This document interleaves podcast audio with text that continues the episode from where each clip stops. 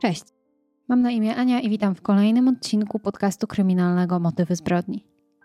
Zanim zaczniemy, chciałabym przypomnieć o subskrypcji kanału oraz włączeniu powiadomień, jeżeli jeszcze tego nie robicie.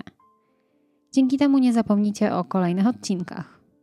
Zachęcam także do dołączenia do grupy facebookowej, gdzie dodaję zdjęcia i materiały z omawianych spraw.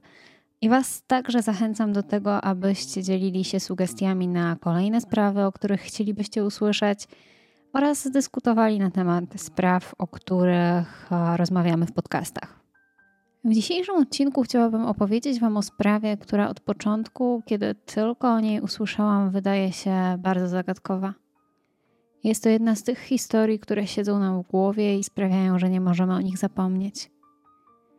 Z jednej strony wyjaśnienie może być banalne, jednak jest w tej historii coś, co nie pozwala go zaakceptować. Przeniesiemy się dzisiaj do Stanów Zjednoczonych, a dokładnie do północno-wschodniej części tego kraju, do stanu Minnesota. Jest to raczej chłodny stan, graniczący od północy z Kanadą. Jest charakterystyczny też ze względu na liczbę jezior, ponieważ jest ich tam ponad 10 tysięcy. Największe miasto w tym stanie to Minneapolis. Jednak my przeniesiemy się dzisiaj do mniejszej miejscowości. Do Marshall, która leży w południowo-zachodniej części stanu Minnesota. Tam, wraz z rodzicami Brianem i Annette oraz półtora roku młodszą siostrą Jamin, mieszka 19-letni Brandon Swenson.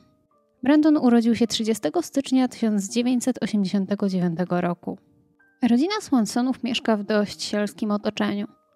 Miasteczko Marshall było dobrym miejscem do założenia rodziny i wychowywania dzieci, dlatego Brandon i Jamin mieli dość szczęśliwe dzieciństwo. Dodatkowo ich dom był zawsze pełen miłości i zrozumienia, między dziećmi i rodzicami panowały bardzo dobre stosunki. Od dziecka Brandon był zainteresowany naukami ścisłymi. Lubił matematykę i wszystkie ścisłe przedmioty. Był też zapalonym historykiem. Jednak nie był to taki typowy kujon, a zwyczajny nastolatek, który lubił grać w gry komputerowe i miał swoją paczkę znajomych. Brandon był raczej drobny, miał 167 cm wzrostu i ważył niecałe 55 kg. Jednak mimo tej swojej drobnej postury, był bardzo dobry we wszelkiego rodzaju dyskusjach merytorycznych. Wszyscy znajomi Brandona wiedzieli, że nie ma sensu się z nim kłócić, bo i tak jest się na starcie przegranym. Warto wspomnieć też o tym, że Brandon od urodzenia nie widział na lewe oko. Mimo, że nosił okulary na to prawe oko, jego percepcja głębi była słaba, zwłaszcza w ciemności. Brandon, kiedy był już nastolatkiem, od 2004 roku pracował w lokalnym supermarkecie Hiwi. Jednak to wcale nie rozpraszało go, ponieważ Brandon świetnie się uczył. Sprawiał wrażenie, że nauka naprawdę sprawia mu przyjemność. Chłopak, tak samo jak jego siostra, chodził do szkoły średniej w Marshall. A kiedy skończył tę szkołę, dostał się na roczny program dotyczący energii wiatrowej do Technicznego Koledżu w pobliskim Canby. Znajomi i rodzina Brandona mówią, że był on osobą godną zaufania. Jeśli się z kimś zaprzyjaźnił, to na poważnie. Nie zmieniał znajomych co tydzień. Był też bardzo rodzinny. Pomagał swoim rodzicom, dbał o swoją młodszą siostrę i o ogólnie relacje z najbliższymi. Wszyscy mocno podkreślają, że jeśli Brandon mówił, że coś zrobi, to dokładnie tak było. Nawet jeśli musiał dłużej na to popracować. W 2008 roku program, w którym Brandon brał udział, dobiegał do końca. I powoli chłopak się zastanawiał, co chce dalej robić w życiu. Myślał, aby wybrać się do koledżu w stanie Iowa, czyli aż 400 km od domu. Ale Brandon był na to gotowy. 13 maja 2008 roku skończył się ostatni semestr w szkole, gdzie Brandon uczęszczał. Był to dobry dzień, dlatego chłopak wraz z grupą znajomych chciał świętować swój sukces. Jego znajomi postanowili świętować w miasteczku Lind. Tam kilku znajomych Brandona wynajmowało dom i to właśnie tam młodzi ludzie się umówili. Nie była to duża impreza, raczej spotkanie pięciu bliskich znajomych. Oczywiście w trakcie imprezy młodzi ludzie spożywali alkohol, ale to nie jest nic nadzwyczajnego w czasie takiego spotkania. Tym bardziej, że wszyscy byli dorośli. Przyjaciele Brandona pamiętają, że ten wypił jednego drinka, jednak nie wiadomo dokładnie, ile alkoholu mógł przyjąć. Według nich nie wyglądał na pijanego. Brandon opuścił imprezę dość wcześnie, bo około godziny 22.30, może 23.00. Miał jeszcze tego dnia odwiedzić swojego znajomego z zajęć w Canby, aby się z nim pożegnać, bo ten następnego dnia się wyprowadzał.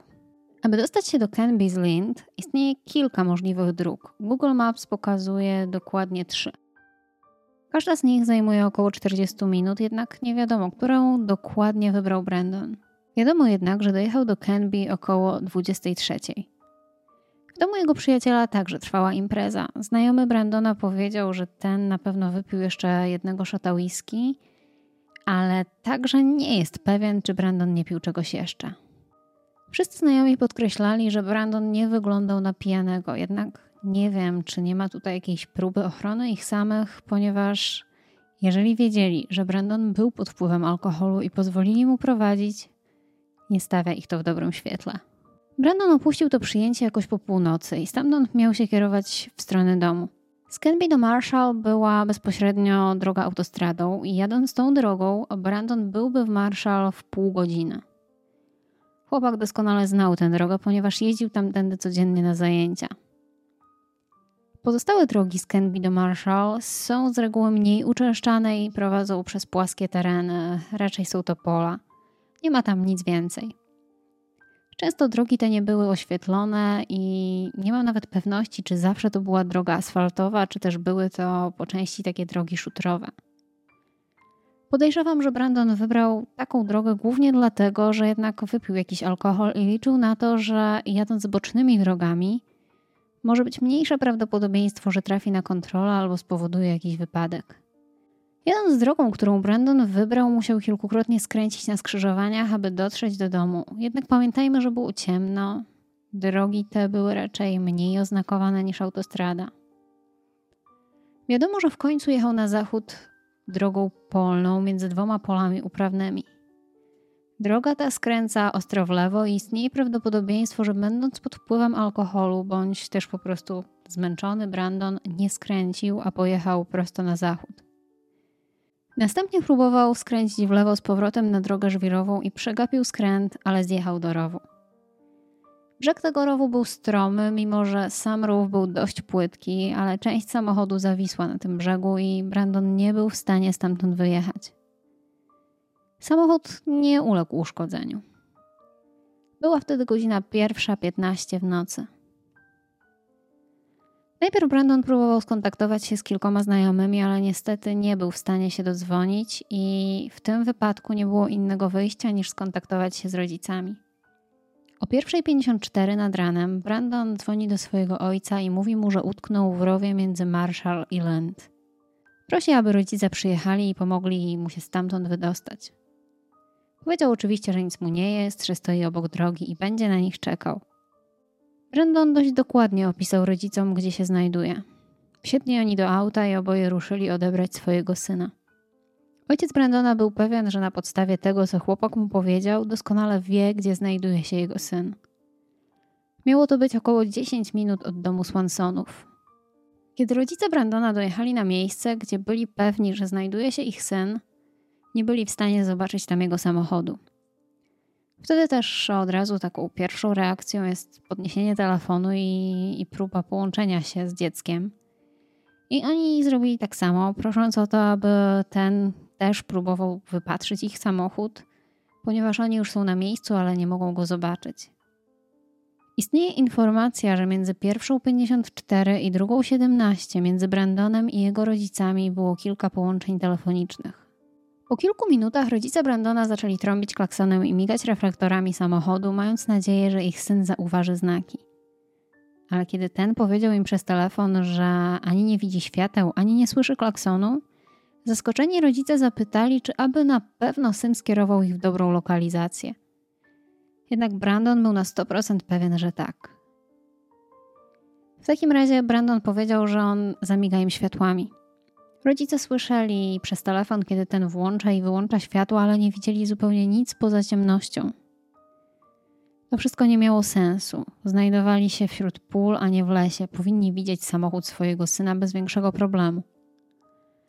Przez cały czas rodzice byli w kontakcie z Brandonem, próbując go szukać, jednak ten zaczął się wściekać.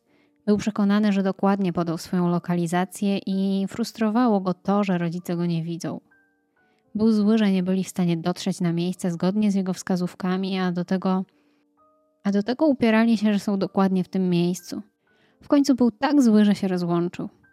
Matka Brandona natychmiast do niego oddzwoniła i przeprosiła za nieporozumienie, biorąc pod uwagę sytuację, w jakiej się znajdował. Frustracja była zrozumiała, choć rodzice naprawdę chcieli mu pomóc.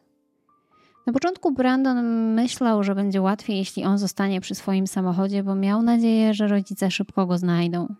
Jednak ciągle rodzice nie byli w stanie dostrzec jego samochodu i nie rozumieli jego wskazówek. Bez względu na to, ile razy powtarzał, doszedł do wniosku, że łatwiej, jeśli wysiądzie z samochodu i pójdzie do rodziców. W oddali widział światła miasta, które, jak sądził, były światłami miasta Lund. Powiedział swoim rodzicom, że łatwiej będzie, jeśli pójdzie właśnie tam. W trakcie rozmowy matka Brendona poczuła się gorzej, więc Brian, ojciec chłopaka, postanowił odwieźć kobietę do domu i wrócić po syna. Mieli się spotkać w tawernie w Lent. Kiedy Brandon szedł w stronę świateł, rozmawiał ze swoim ojcem przez telefon. Rozmowa trwała jakieś 47 minut. Opowiadał mu o drodze, opisywał ją. Najpierw mówił, że idzie szutrową drogą i że skręcił, aby skrócić sobie trasę i teraz idzie polem. Pewnym momencie powiedział, że słyszy szum wody dobiegający gdzieś w pobliżu, ale nie wiedział w ciemności, co to było. Więc po prostu szedł w kierunku świateł miasta. Rodzice ciągle jeździli po okolicy szukając syna. Nagle około 2.30 ojciec Brendona usłyszał w słuchawce krótkie Oh shit i połączenie zostało przerwane. Była trzecia dziesięć. Od razu próbował oddzwonić, ale nie mógł się dodzwonić. Próbował pięć czy sześć razy, ale za każdym razem odpowiadała poczta głosowa. Nie wiadomo, co mogło się wtedy wydarzyć. Czy Brandon sam wyłączył telefon, czy zdarzył się jakiś wypadek, który spowodował, że jego telefon nie był w stanie nawiązać połączenia. Rodzice nie wiedzieli, co mają zrobić. Jeździli w tą i z powrotem w miejscu, gdzie syn powtarzał im, że jest. Skontaktowali się też ze znajomymi syna, prosząc ich o pomoc w poszukiwaniach. Wszyscy szukali całą noc, jeżdżąc różnymi drogami w okolicy, szukając samochodu Brendona. Po kilku godzinach byli pewni, że przeszukali wszystko w opisywanym przez Brendona rejonie. Sprawdzili też parking pod tawerną w Lind, ale tam też nie było ani śladu chłopaka. O 6.30 rodzice Brendona zaczęli panikować i postanowili iść na policję, zgłosić zaginięcie syna. Nie wiedzieli, co jeszcze mogą zrobić, a byli pewni, że stało się coś złego. Jednak policja nie do końca była tak zmartwiona jak rodzice. Brandon był w końcu dorosły i policja nie wiedziała nic podejrzanego w tej sytuacji. W końcu, kilka godzin później, policja otworzyła sprawę zaginięcia młodego Swansona. Po przeszukaniu okolic miasteczka Lent, policja była pewna, że Brandona nigdy tam nie było. Rodzice Brandona także się nie poddali i ciągle jeździli po okolicy szukając samochodu syna. W końcu samochód nie jest mały i trudno byłoby go przeoczyć. Wierzyli, że w dzień go znajdą. Jednak po kilku godzinach poszukiwań nadal nie byli w stanie go zlokalizować. Policja wtedy zainteresowała się telefonem chłopaka. Mieli nadzieję, że jeżeli namierzą telefon, dowiedzą się, gdzie jest Brandon. Wtedy okazało się, że nikt nie mógł go znaleźć z prostego powodu. Brandona tamtej nocy nie było w okolicy Lend. Okazało się, że w czasie, kiedy Brandon rozmawiał z rodzicami, był niedaleko Taunton, innego niewielkiego miasteczka między Canby i Marshall. Ale było to na północny zachód od Marshall, a nie na południowy wschód, jak twierdził Brandon. Było to jakieś 25 mil od Lind, gdzie wszyscy go szukali. Jednak nie zgadza się pewna inna rzecz. Brandon był w tamtym miejscu około drugiej nad ranem. Jeżeli opuścił imprezę w Canby po północy, to pokonanie 13 mil zajęło mu prawie dwie godziny a powinno jakieś 15 minut. Kiedy wszyscy mieli już informację o możliwej lokalizacji Brandona, całe poszukiwania zostały przeniesione w odpowiedni rejon. Dość szybko odnaleziono wtedy samochód chłopaka, w takim stanie, jak Brandon to opisywał. W samochodzie nie znaleziono nic, co mogłoby wskazywać, że Brandon został ranny. Nie znaleziono też alkoholu ani narkotyków. Niestety, w okolicy samochodu nie udało się znaleźć też śladów stóp, które mogłyby pomóc zrozumieć, w którym kierunku chłopak poszedł. Poszukiwania były szeroko zakrojone. Używano helikopterów, które latały nad miejscem, gdzie logował się telefon Brandona w poszukiwaniu czegokolwiek. Policja sprowadziła na miejsce psy tropiące, które podjęły trop i zaprowadziły poszukujących obok opuszczonej farmy nad brzegiem rzeki Yellow Medicine, która w najgłębszym miejscu miała jakieś 4,5 metra głębokości. Jednak nie oznacza to, że taka głębokość e, była w całej rzece. Istniała możliwość przejścia przez rzekę bez większego problemu. Było to około 5 km od samochodu Brendona. Niestety, jeśli Brandon przekroczył rzekę pieszo, psy nie były w stanie podjąć tropu. Z obawy, że Brandon jednak mógł zostać poniesiony przez nurt rzeki, poszukiwania skupiły się wzdłuż 3-kilometrowego odcinka nad brzegiem Yellow Medicine River. Jeśli Brandon by utonął, jego ciało zostałoby zniesione w dół rzeki, jednak poszukujący nic nie znaleźli. Przez kolejne 30 dni szeryf zajmujący się sprawą Brandona przechadzał się brzegiem tej rzeki, ale ani razu nie trafił na żadne ślady. Na tej podstawie stwierdzono, że nie mogło dojść do utonięcia, ponieważ ciało zostałoby zlokalizowane. Kolejna rzecz, która przemawia za odrzuceniem tej teorii, to fakt, że aż do 16 maja telefon chłopaka był włączony. Za każdym razem, kiedy próbowano do niego dzwonić po zaginięciu, było kilka sygnałów, a dopiero później włączała się poczta głosowa. Jeśli telefon wpadłby do wody, poczta głosowa włączałaby się od razu. Po tygodniu zawieszono oficjalne poszukiwania Brandona, jednak rodzina chłopaka nie przestawała szukać. Do rodziny Brandona dołączali także wolontariusze. 24 maja i 7 czerwca zorganizowano dwa większe poszukiwania, gdzie dołączyło 100 chętnych, którzy chcieli pomóc. Niestety, mimo ogromnego wysiłku, nie udało się odnaleźć ani śladu po zaginionym chłopaku. Jesienią, kiedy wszystkie plony, które rosły w okolicznych polach, zostały zebrane, poszukiwania Brandona zostały wznowione. Ponadto sprowadzono psy, jednak tym razem specjalizujące się w poszukiwaniu zwłok. I chociaż wydawało się, że podjęły jakiś trop, w końcu zgubiły zapach i cała nadzieja zgasła. Kiedy nadeszły mrozy i rozpoczęła się zima, znowu poszukiwania zostały przerwane. Jednak do tego czasu przeszukano ponad 300 km2 terenu poszukiwania młodego chłopaka włożono mnóstwo pracy, energii i czasu, jednak nic nie udało się odnaleźć. Sprawa Brandona została przekazana do biura śledczego Minnesoty w 2010 roku i od tego czasu to oni zajmują się sprawą. Oni skupili swoje działania w okolicy Mud Creek. Jest to dopływ rzeki Yellowstone Medicine, położony na północ od miasteczka Taunton. Jednak tam też nic nie odnaleziono przez następne kilka lat. W sprawie zaginięcia Brandona Swensona jest wiele teorii. Część ludzi twierdzi, że Brandon zniknął na własne życzenie, a wydarzenia z nocy 13 maja 2008 roku były przez niego zainscenizowane. Jednak nie ma to większego sensu, jeżeli przyjrzymy się bliżej sytuacji Brandona. Chłopak nie miał żadnych problemów, właśnie skończył szkołę z niezłymi wynikami i planował przeprowadzkę do stanu Iowa, by kontynuować naukę. Miał dobrą sytuację rodzinną, nie miał problemów z prawem. Do tego cała ta sytuacja wydaje się być zbyt skomplikowana jak na celowe działanie. Jeśli chciałby zniknąć, to czy nie byłoby łatwiej po prostu nie wrócić do domu, a nie porzucić samochód i iść nocą przez pola? Kolejna teoria mówi o wypadku, a mianowicie Brandon miałby zostać potrącony przez inny samochód, idąc polnymi drogami w stronę, którą, jak myślał, było miasto Lund. Mówi się, że kierowca mógł spanikować i ukryć ciało albo gdzieś się przewieźć. Jednak chłopak powiedział ojcu, że pójdzie przez pola, żeby było szybciej, a mało prawdopodobne jest, aby został potrącony na środku pola. To, że chłopak szedł taką drogą, potwierdzają też tropy podjęte przez psy tropiące. Nie było też żadnych śladów po możliwym wypadku. Fragmentów pojazdu, śladów opon, krwi, nic. Bierze się pod uwagę także jakąś formę napaści, jednak obszar, którym poruszał się Brandon, był bardzo mało zaludniony i było niewielkie prawdopodobieństwo, że chłopak trafił na kogoś, a tym bardziej na kogoś, kto polował na kogoś, aby go napaść.